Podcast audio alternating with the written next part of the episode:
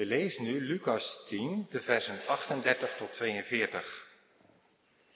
En het geschiedde, als zij reisden, dat hij kwam in een vlek en een zekere vrouw met name Martha ontving hem in haar huis.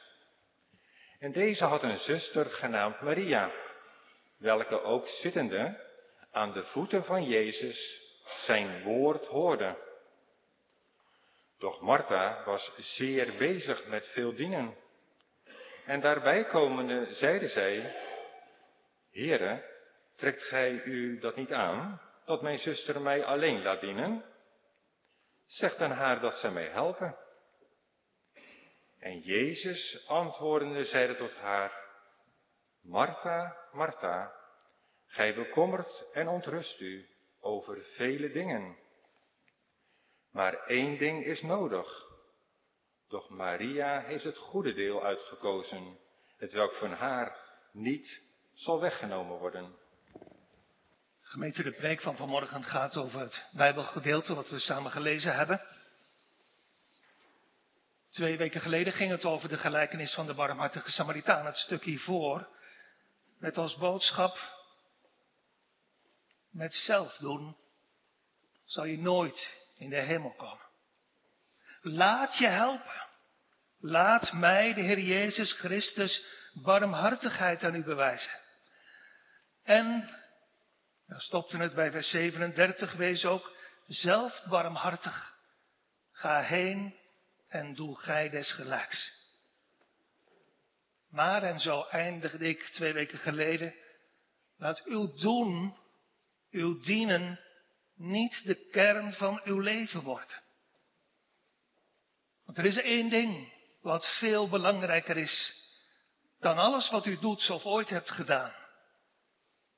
En dat zien we in het schriftgedeelte wat we nu samen overdenken, vers 38 tot en met 42 van Lucas 10. En ik lees nu alleen nog als samenvatting voor, de andere versen komen vanzelf, vers 41 en 42. Waar staat, en Jezus antwoordende zeide tot haar, Martha, Martha, u bekommert en ontrust u over vele dingen, maar één ding is nodig. Doch Maria heeft het goede deel uitgekozen, het welk van haar niet zal worden weggenomen. Thema voor de preek van vanmorgen is leven als christen. Leven als Maria in een Martha-tijd. We letten samen op drie punten. In de eerste plaats op een eenvoudig leven. In de tweede plaats op een druk leven. En in de derde plaats op het beste leven. Dus leven als christen, als Maria in een Martha-tijd. Een eenvoudig leven, druk leven en het beste leven. Gemeente, het leven is druk. Dat weet u. En het leven is veel eisend. Dit moet dat moet. En we zijn druk met dit en met dat. En ja, je kan niet zomaar aan de zijlijn gaan staan. Want ja, je werk en je gezin en je kinderen als je die hebt. En je huis en je carrière en je vakantie. Want ja, en de kerk en de vereniging en de categorisatie en die commissie en die actie en dat project. We zijn druk, druk, druk. En voordat je het weet, raak je gestrest, geïrriteerd, overwerkt, uitgeput. Want je to-do-list groeit met de dag en, en alles is min of meer prioriteit. midden in dat drukke, chaotische, gestreste leven, schetsen deze paar Bijbelversen twee manieren van leven. Twee manieren van leven in diezelfde omstandigheden. Maar de een zo anders dan de ander. Het gebeurt allemaal in Betanië. Een gehucht, een kilometer of drie van Jeruzalem vandaan. Kijk maar in vers 38. En het geschiedde als zij reisden dat hij, Jezus, kwam in een vlek in een gehucht. En een zekere vrouw met name Martha ontving hem in haar huis. Jezus kwam hier vaker. Hij is vaker door deze gastvrouw ontvangen in dit huis dat eigendom is van Martha kennelijk en waar ook Maria en Lazarus waren. En Martha verwelkomt de Heer Jezus hartelijk. De meester is er, samen met zijn discipelen. En ze wijst het gezelschap een plek om te gaan zitten en gaat snel terug naar de keuken om verder te gaan met het klaarmaken van de maaltijd. Die waarschijnlijk al voor een groot deel is voorbereid, want Heer Jezus had als gewoonte om zijn komst van tevoren aan te kondigen. Hij kwam niet zomaar met dertien man onaangekondigd binnenvallen. Martha rent naar de keuken. En Maria, die daar ook is, gaat zitten aan de voeten van de Heer Jezus. En dat brengt me bij het eerste punt. Eenvoudig leven. Vers 39. Deze had een zuster genaamd Maria, welke ook zittende aan de voeten van Jezus zijn woord hoorde. Dat eenvoudige leven van Maria bestaat uit twee dingen. Ze gaat zitten, dat is het eerste, aan de voeten van de Heer Jezus. Zitten aan de voeten van Jezus, dat is een plaats van liefde, een plaats van onderwerping, een plaats van ootmoed en van nederigheid. Zitten aan iemands voeten, aan de voeten van Christus. Past het om nederig te gaan zitten? Dat is niet alleen een plek voor een berouwvolle, boetvaardige zondaar, maar dat is ook de plek die dit kind van God, Maria, kiest. Plaats van liefde, van onderwerping, van nederigheid, maar vooral ook de plek van een leerling.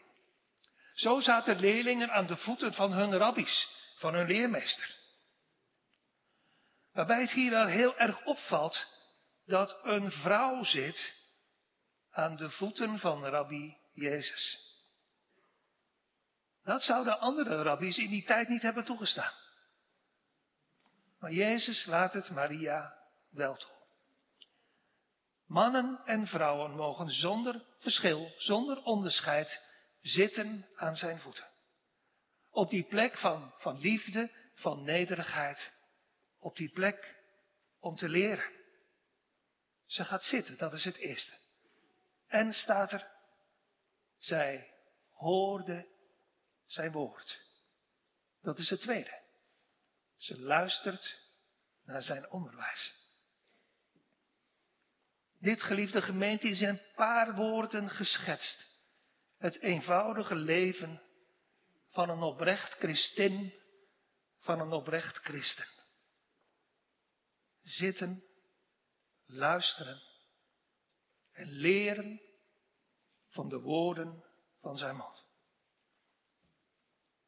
Geen manier van leven die veel respect, die veel waardering oplevert. In de wereld niet, maar ook in de kerk vaak niet. Iedereen prijst deze Maria, de zus van Martha en Lazarus, om wat ze gedaan heeft. Maar, wie gaat er naast haar zitten? Stilzittend, ademloos luisterend. En toch is dit de kern van christen zijn. Zitten, luisteren en leren van de woorden uit de mond van Jezus. Dit is het eenvoudige leven van een christin, van een christen. Je zou naar die gelijkenis hiervoor van de barmhartige Samaritaan denken dat christen zijn in de eerste plaats iets is van doen en van dienen. Maar direct na het onderwijs van de Heer Jezus aan die wetgeleerden plaatst de Heer Jezus dat dienende doen naar de achtergrond.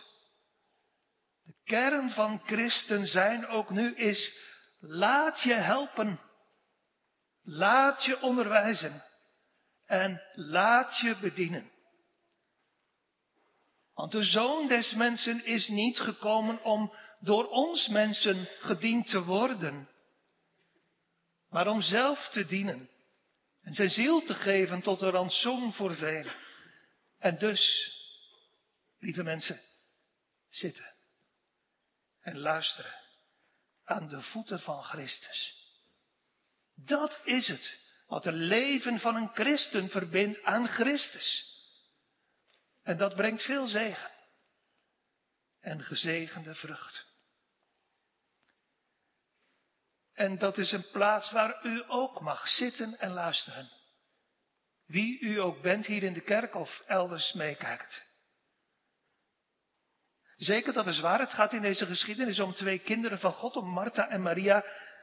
Maar onbekeerde vrienden hier in de kerk, ook u bent op die plaats welkom. Want wat u daar aan de voeten van de Heer Jezus kan leren, hebt juist u, meer dan wie dan ook, zo nodig. Want de eerlijkheid gebiedt te zeggen dat zonder dit onderwijs u verloren bent en verloren gaat. Op deze plek wordt u geroepen uit de duisternis tot het wonderlijke licht. Op die plek wordt u aan uw zonden ontdekt. Daar wordt uw vijandschap gebroken. En daar leert u uzelf kennen. En iets van God en van Christus. En zonder die kennis bent u, gaat u verloren. Immers deze Jezus die hier voor onze ogen geschilderd wordt, zal straks, zegt Paulus tegen de Thessalonicenzen, met vlammend vuur wraak doen over degenen die God niet kennen. Die nooit dat onderwijs aan de voeten van de Heer Jezus hebben willen horen. En over degenen die het evangelie van onze Heer Jezus Christus niet gehoorzaam zijn. Met andere woorden, over al diegenen die nooit stil luisterend aan zijn voeten willen zitten. Kom dan, dus, onbekeerde vrienden, en zit en luister naar Hem, die u echte, die u ware wijsheid wil leren. Kom dan, zit en luister naar Zijn heil en troostrijk woord, voordat het te laat is. Want deze is eerlijk, hoe vaak hebt u vanaf deze plaats of elders de woorden van Christus niet gehoord? En hoe vaak heeft Hij het gevaar van uw geestelijke toestand u niet onder ogen gebracht? Met hoeveel tegenspoed wilde Hij u niet nodigen tot bekering? En met hoeveel liefdevolle kloppen op de deur van uw hart u nodigen tot Zijn waarheid? Heeft deze Christus, onbekeerde vrienden, niet jarenlang zijn handen naar u uitgestoken? U nodigend aan zijn voeten. Kom, luister naar mijn woord. Mijn mond brengt niets dan loutere wijsheid voort. Pas dan op dat hij u na al uw weigeringen tot nu toe niet laat gaan. Kom. Zitten, luisteren, net als Maria. Voordat die plek er niet meer is. Of omdat de Heer zijn woord en geest heeft weggenomen. Of omdat hij u zelf heeft weggenomen. Kinderen van God, geliefde mede-christenen. Dit is, als het goed is tenminste, plaats waar wij het liefste zijn. Aan de voeten van de Heer Jezus Christus. Luisterend en lerend. Als dat niet zo is, dan zijn we of ver van onze plaats, letterlijk. Ja, of we zeggen dat we Jezus lief hebben, terwijl het niet zo is. Denk eens terug bij uzelf. Vroeger was ons hart Net zoals ik net beschreef. Toch? Waren wij het zelf die uit eigen beweging aan de voeten van de Heer Jezus gingen zitten.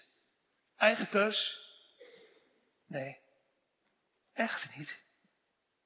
Hij was het zelf die ondanks al ons verzet en al onze weerstand ons aan zijn voeten bracht. Met zijn almachtige en liefdevolle hand. Ons hart opende.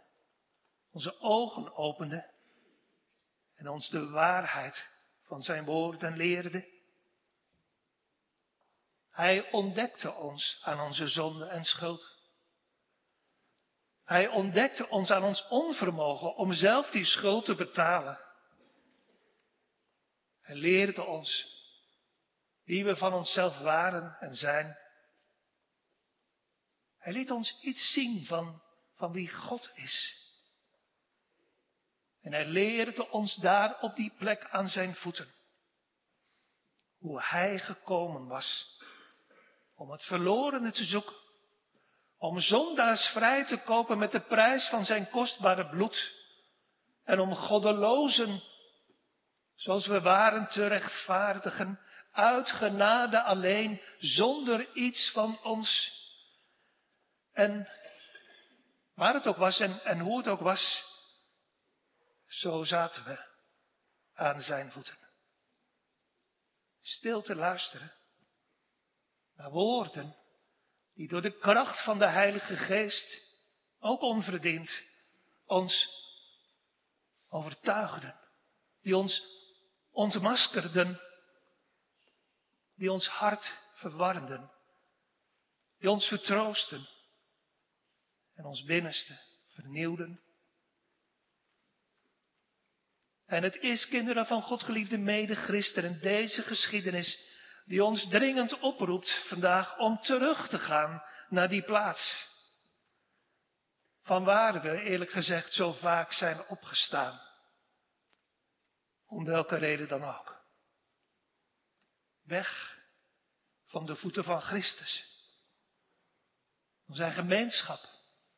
Van zijn nabijheid. Misschien voor ons eigen ogen en voor de ogen van anderen wel druk met het goede dingen. Bijbelse dingen, kerkelijke dingen, bijbelstudie misschien wel.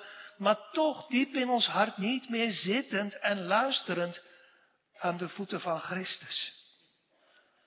Aan de voeten van Hem die alleen ons hart en onze ogen openen kan en wil. Om ons echt te leren.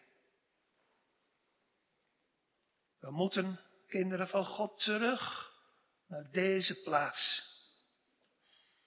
En laten we onszelf en elkaar vanmorgen dan ook aansporen om daarna terug te gaan. Door, ja, door in de eerste plaats af te zien van onze eigen wijsheid. We praten zoveel. En we discussiëren zoveel omdat we vinden dat we zoveel weten. Maar alleen het diepe besef van onze onwetendheid brengt ons voor het eerst of opnieuw aan de voeten van Christus. Laten we elkaar en laten we onszelf aansporen om terug te gaan naar die plaats in de tweede plaats, door biddend te komen tot de Heer en, en te zeggen met het gebed van Samuel, spreek Heer, wat mijn ziel hoort. Zeg het met Saulus van Tarsen, Heere, wat wilt u dat ik doen zal? En ondertussen eenvoudig zittend en luisterend. Niet alleen zoekend met je verstand voor jezelf of in, in kringverband naar de beste uitleg van een Bijbelvers dat je leest, allemaal zo, zo cognitief, allemaal zo rationeel, maar biddend. En vooral in stilte biddend om het werk van de Heilige Geest, die, net als bij Lydia, in stilte het hart opent. Biddend met de dichter van Psalm 85. Merk op, mijn ziel, wat antwoord God u geeft. Biddend met de dichter van Psalm 49. Ik neig het oor, dat ik op Gods inspraak wacht. Eenvoudig leven. Zo eenvoudig zitten, luisteren en je laten leren door de woorden van Christus en door het werk van de Heilige Geest. Dat was ons eerste punt. Nu ons tweede punt. Een druk leven. Waarbij kijk naar vers 40. Doch Martha was zeer bezig met veel dienen. Je ziet het voor je. Martha zweet het in de keuken. Druk met het voorbereiden van een perfecte maaltijd voor dertien gasten. Ga daar maar aan staan. Maar ze doet het graag. Met al de liefde van haar hart voor, voor Jezus, voor de Meester en voor zijn discipelen. Was, staat er, zeer bezig met veel dienen. Letterlijk staat er zoiets als haar hart werd alle kanten opgetrokken. Ja, want het voorgerecht moet perfect zijn. Het hoofdgerecht om een puntje aan te zuigen. En het, en het vlees moet verrukkelijk zijn. En daarna natuurlijk nog een heerlijk toetje. En, en ze moeten alles koken, wegelen, doen. En dat alles trekt haar hart alle kanten op. En midden in de drukte van die keuken hoort ze vaag op de achtergrond de stem van de meester. En verdraait. Terwijl zij hier het vuur uit haar schroffen loopt, zit Maria daar te zitten. En gaandeweg gaat het haar mateloos irriteren, totdat ze ontploft. En ze loopt stampvoetend naar de kamer, recht op de Heer Jezus af en zegt bits even zweetig, Heere, trekt u u dat niet aan, dat mijn zuster mij alleen laat dienen? Zeg dan haar dat ze mij helpen. Wacht even. Dit is niet zomaar een oprisping. Even met elkaar goed lezen. Heren, zo begint het. Ja, dat klopt, Martha. Je hebt het tegen de Heer, die God is.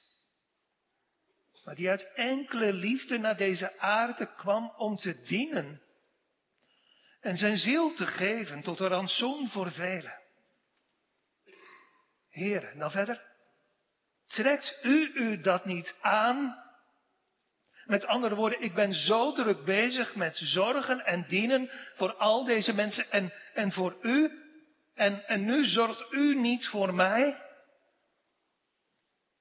Wat onredelijk.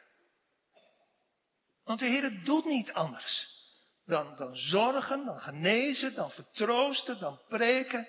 Wat een onredelijk verwijt. Heere, trekt u dat niet aan dat mijn zuster mij alleen laat dienen en dan zeg haar dat zij mij zal helpen. Moet je goed voorstellen. Terwijl de Heer Jezus daar zit, met, met Maria en discipelen en misschien nog anderen aan zijn voeten, geeft hij liefdevol hemels onderwijs. En dan ineens komt Martha binnenstuiven Kind van God zonder twijfel. En zegt, ja maar sorry heer, ik heb echt geen tijd om te luisteren. Luister naar mij. En zeg tegen, tegen Maria wat ik te zeggen heb. Want het is prima om naar u te luisteren. Maar als u nu maar even wel gaat zeggen wat ik wil zeggen. Druk, boos, geïrriteerd, met een hart dat alle kanten wordt opgetrokken. Egoïstisch. Kijk maar, want het gaat alleen maar over ik en over mijn. Veel eisend. Brutaal. Druk bezig met veel dingen. Zonder de rust. Zonder de wil. Zonder het verlangen om te luisteren naar de woorden van Jezus. Alleen maar werken voor de Heer. Alleen maar druk, alleen maar doen. Zoals zoveel mensen, ook kinderen van God in deze tijd, ook in de kerk, alleen maar druk zijn. Druk werkende Martha's. S morgens, terwijl je man nog op één oor ligt te slapen, stap je als eerst uit bed. Je haalt je kinderen uit bed, je brengt ze naar school, je gaat zelf snel aan het werk en daarna je kinderen weer ophalen. Je kijkt met ze naar een huiswerk en dan nog snel eten met elkaar en dan moet de een naar de club en de ander naar de catechisatie en de volgende naar de vereniging en die naar muziekles en die naar sport. En als laatste valt je man uitgeteld op de bank met zijn blik van koffie. Druk werkende Martha's. En druk werkende Martins, als ik zo de mannelijke variant mag noemen. Zochtens op tijd naar de zaak. Je slaakt een diepe zucht als je kijkt naar je to-do-list. En je vliegt van de ene opdracht naar de andere en van de ene vergadering naar de andere. Nauwelijks tijd voor pauze. Totdat je aan het eind van de dag moe in je auto stapt op weg naar huis. Maar s'avonds heb je weer afspraak. Voor de kerk belangrijk. Werken, doen, projecten, acties, commissies, vergaderingen.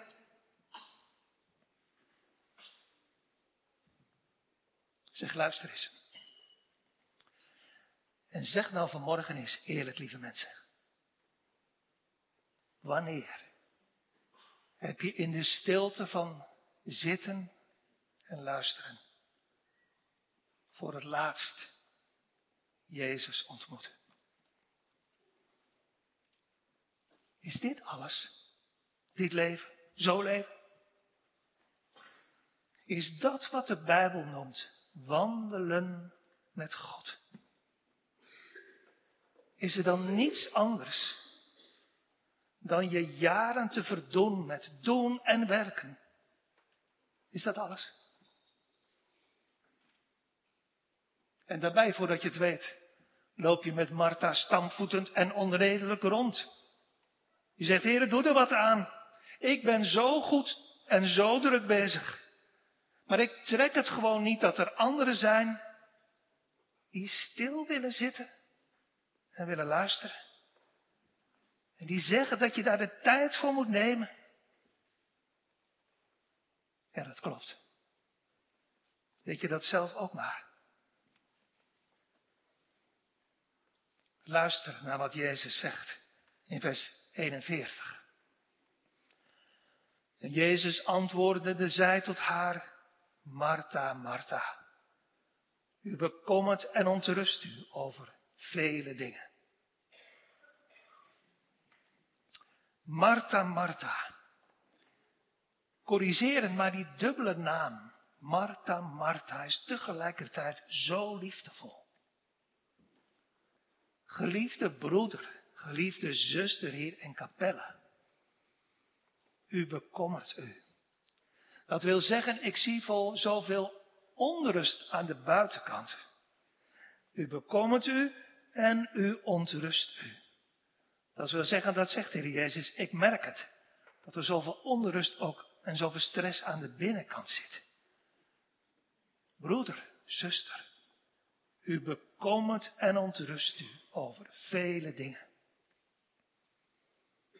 De Heer ziet uw leven wel. En hij ziet u wel tobben. En vandaar die liefdevolle aanspraak. Martha, Martha. Geliefde broeder, geliefde zuster.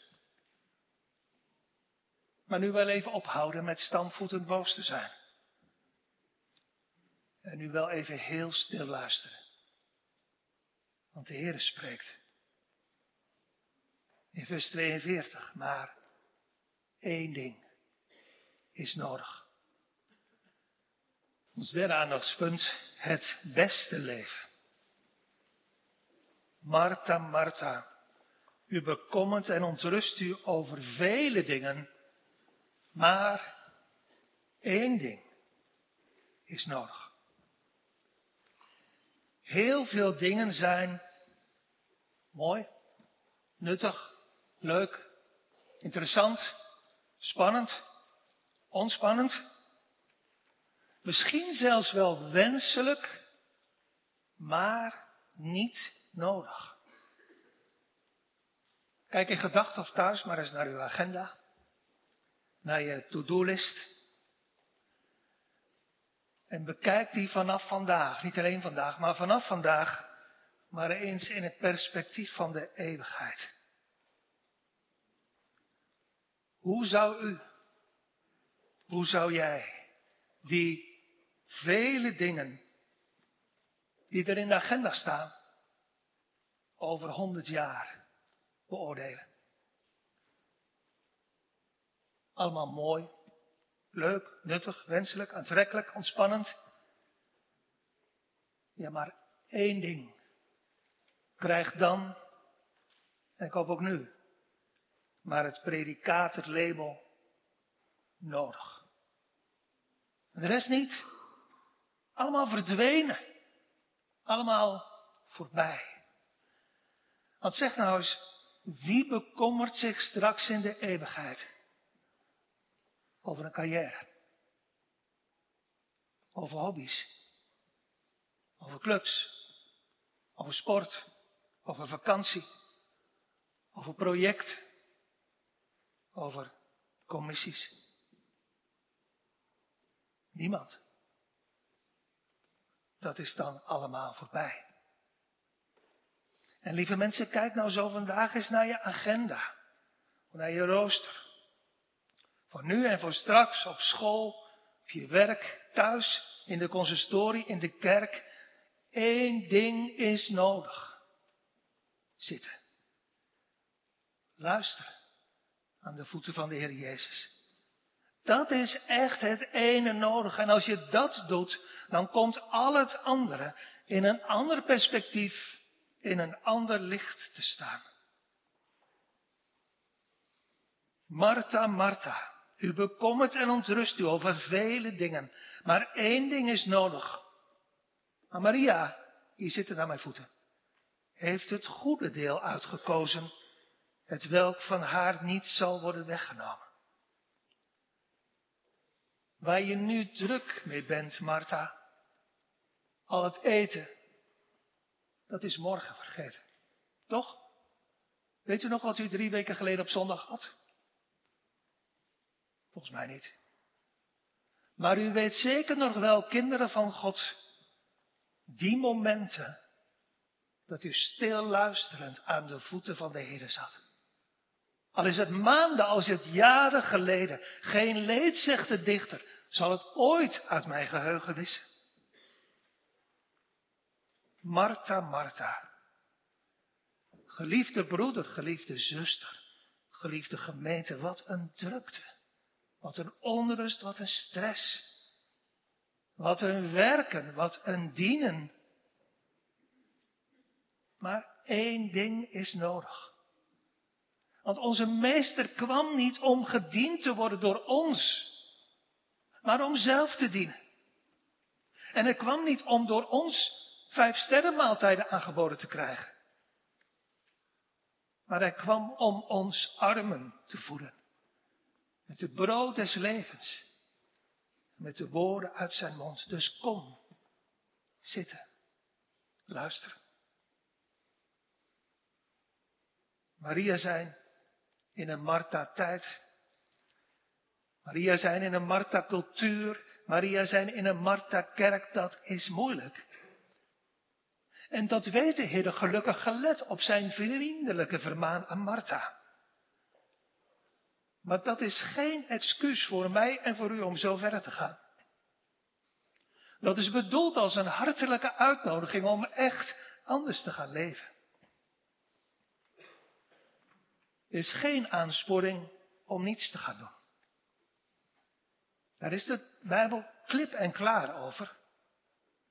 Maar u snapt ook, Martha had ook op zijn Hollands gezegd dan, eenvoudig snel boterhammen kunnen smeren voor al die gasten, in plaats van al deze drukte in de keuken. We moeten trouw werken in ons goddelijke beroep. Op ons werk, op school, thuis, in de kerk. Paulus schrijft aan de Thessalonicensen, zo iemand niet wil werken, dat hij ook niet eten. En hij schrijft aan Timotheus zo iemand te zijn en voornamelijk zijn huisgenoten niet verzorgd. Die heeft het geloof verlogend en is erger dan een ongelovige. Maar dat werken is niet de hoofdzaak van ons leven. En dat is geen excuus om je ziel op weg naar de eeuwigheid te verwaarlozen. Met andere woorden, mensen gaan nou niet op in de dingen van deze tijd. Want die gaan allemaal voorbij. Paulus schrijft in 1 Korinthe 7, de tijd, deze tijd, is voorts kort. Opdat ook die vrouwen hebben zouden zijn als niet hebbende. En die wenen, die huilen als niet wenend. En die blij zijn als niet blij zijnde. En die kopen als niet bezittende. En die deze wereld gebruiken als niet misbruikende. Want de gedaante van deze wereld gaat voorbij. Het is, zei ik als eerste, geen aansporing om niets te doen.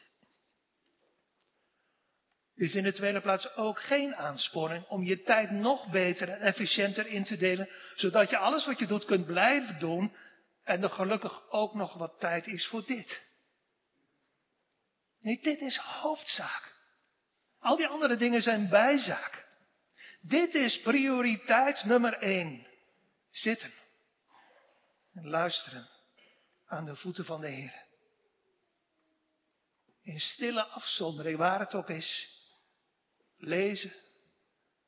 Je knieën buigen. Mediteren. Biddend om het verborgen werk. En wachtend op het verborgen werk van de Heilige Geest. Op het spreken van de Heer tot je ziel. En niet meegaan met al die Martha's die roepen dat je moet werken en dat je meer moet werken en meer moet doen. Nee, zegt de Heer. Laat dat allemaal voor wat het is. Kom, zitten aan mijn voeten en luisteren naar mijn stem. Dus geen aansporing om niets te gaan doen. Ook geen aansporing om je tijd nog beter in te delen, zodat er ook gelukkig nog wat tijd overblijft voor dit. Nee, dit is aansporing in de derde plaats om al het andere van je leven op de tweede plaats te zetten. De drukte van je werk, van je hobby's, van je clubs, van je avonden, van je sport, van je acties, van je projecten, de drukte van je commissies, van je vergaderingen, alles. Martha's niet doen. Als je nou in stilte, wanneer en waar dan ook, als je nou in stilte je Bijbel opent en je handen vouwt, voel je dan, lieve mensen, alsjeblieft niet schuldig. Voel je dan niet schuldig omdat je zelf vindt of omdat je denkt dat anderen vinden dat je in of buiten huis of waar dan ook moet werken. En dat je ook actief moet worden zoals zij. En dat je ook een cursus moet volgen. En dat je ook aan een hobby moet beginnen. Nee, wees liever zoals Petrus schrijft. Een stille en zachtmoedige geest. Van wie de verborgen mens van het hart kostelijk is voor God. Zeker, er zijn veel dingen die nuttig zijn en die wenselijk zijn. En er zijn ook zelfs dingen die vruchten zijn van genade. Zoals in de gelijkenis hiervoor. Barmhartigheid bewijzen aan anderen. Maar de vrucht is nooit belangrijker dan de wortel.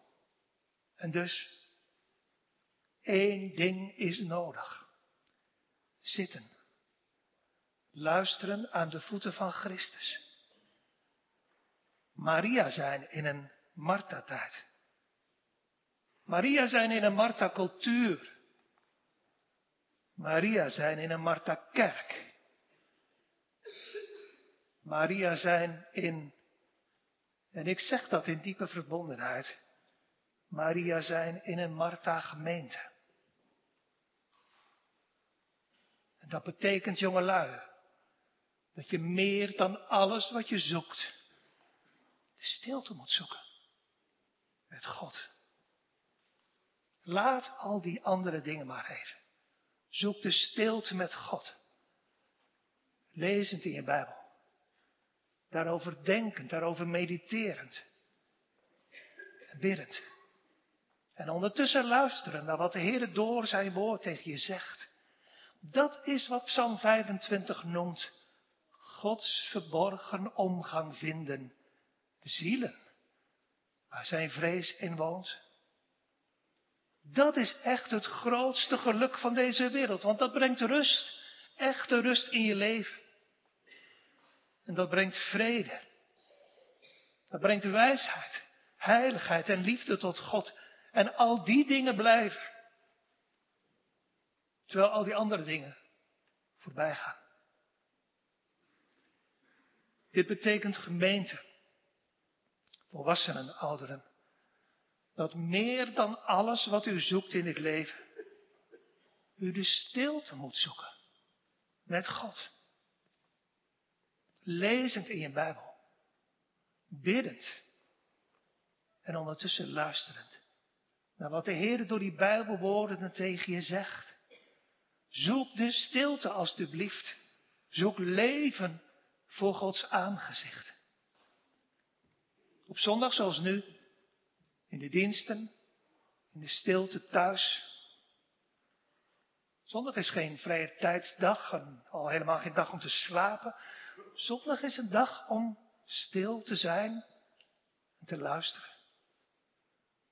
Zoek de stilte, zoek het leven voor Gods aangezicht door de weeks.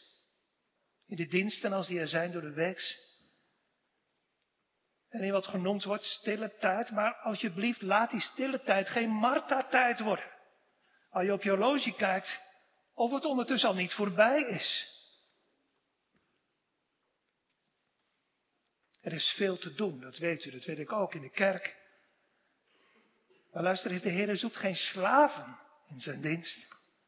Zo ijverig, zo actief, zo, net als Martha, zo egoïstisch en zo bezig met zichzelf. Want het gaat ook in de kerk niet om ons. De Heere wil in het middelpunt staan en wil dus dat wij naar Hem luisteren.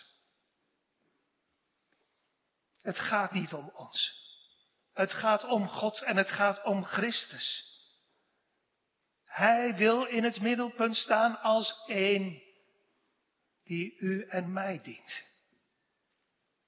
En die niet zit te wachten op mijn werk voor hem. Als één die hongerigen voedt. En niet zit te wachten op de aanbieding van onze maaltijden aan hem. Gemeente, we kunnen veel dingen doen als gemeente. Ook straks weer naar de vakantiebelevende welzijn in het komende seizoen. Maar als we niet stilzitten en niet luisteren zoals Maria aan de voeten van de Heer, is het allemaal te vergeefs. Sterker nog, dan is het allemaal voor onszelf en niet voor God. Kom, het is zoveel beter om stil te zitten en te luisteren.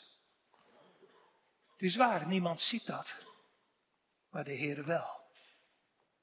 Gods verborgen omgang vinden zielen, waar zijn vrees in woont.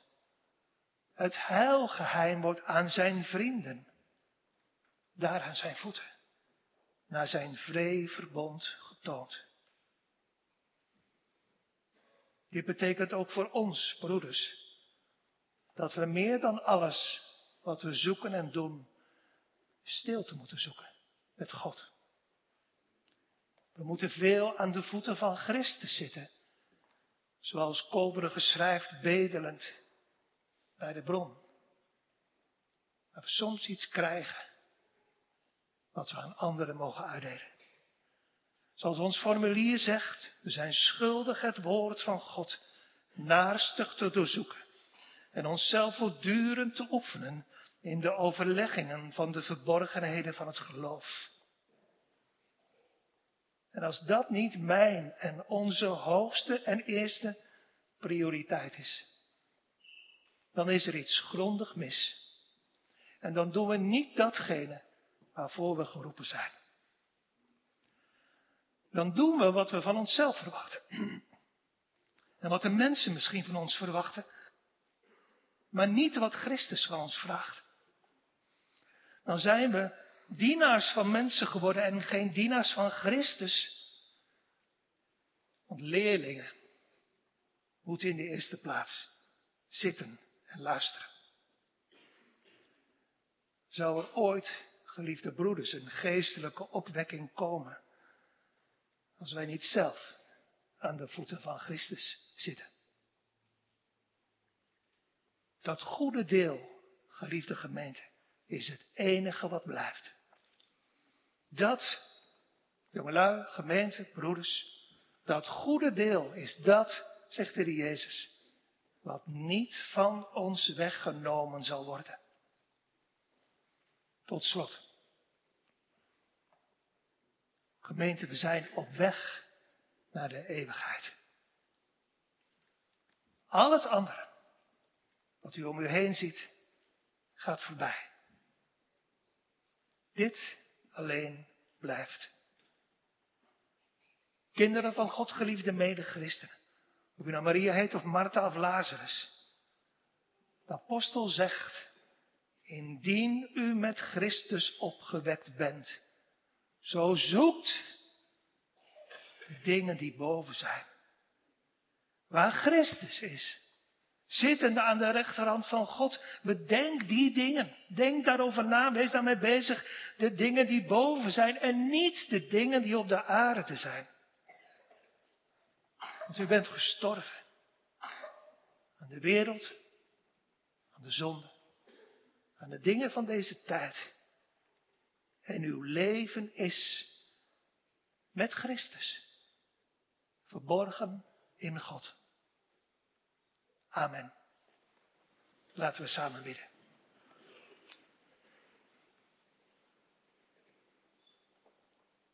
Lieve Heer, alles wat we samen overdacht hebben en gezegd hebben, roept om één ding, namelijk om U. Dat U ons voor het eerst en weer opnieuw losmaakt van al die dingen waar ons hart wordt heen getrokken en brengt aan uw voeten. Om daar te zitten en te luisteren naar uw stem. Zegen het woord, heren, van vanmorgen, uw eigen woord. En blijf bij ons in het verdere van deze dag. Geef dat we deze dag ook thuis of waar we ook zijn, stil zullen zitten en luisteren. De verborgen omgang met u zullen zoeken. Breng ons vanmiddag alstublieft, Heer, allemaal weer hier in de kerk. En zegen ook dan uw woord. Dank u, Heer, voor uw hulp in alle dingen. U, Heer, zij alle eer. Amen.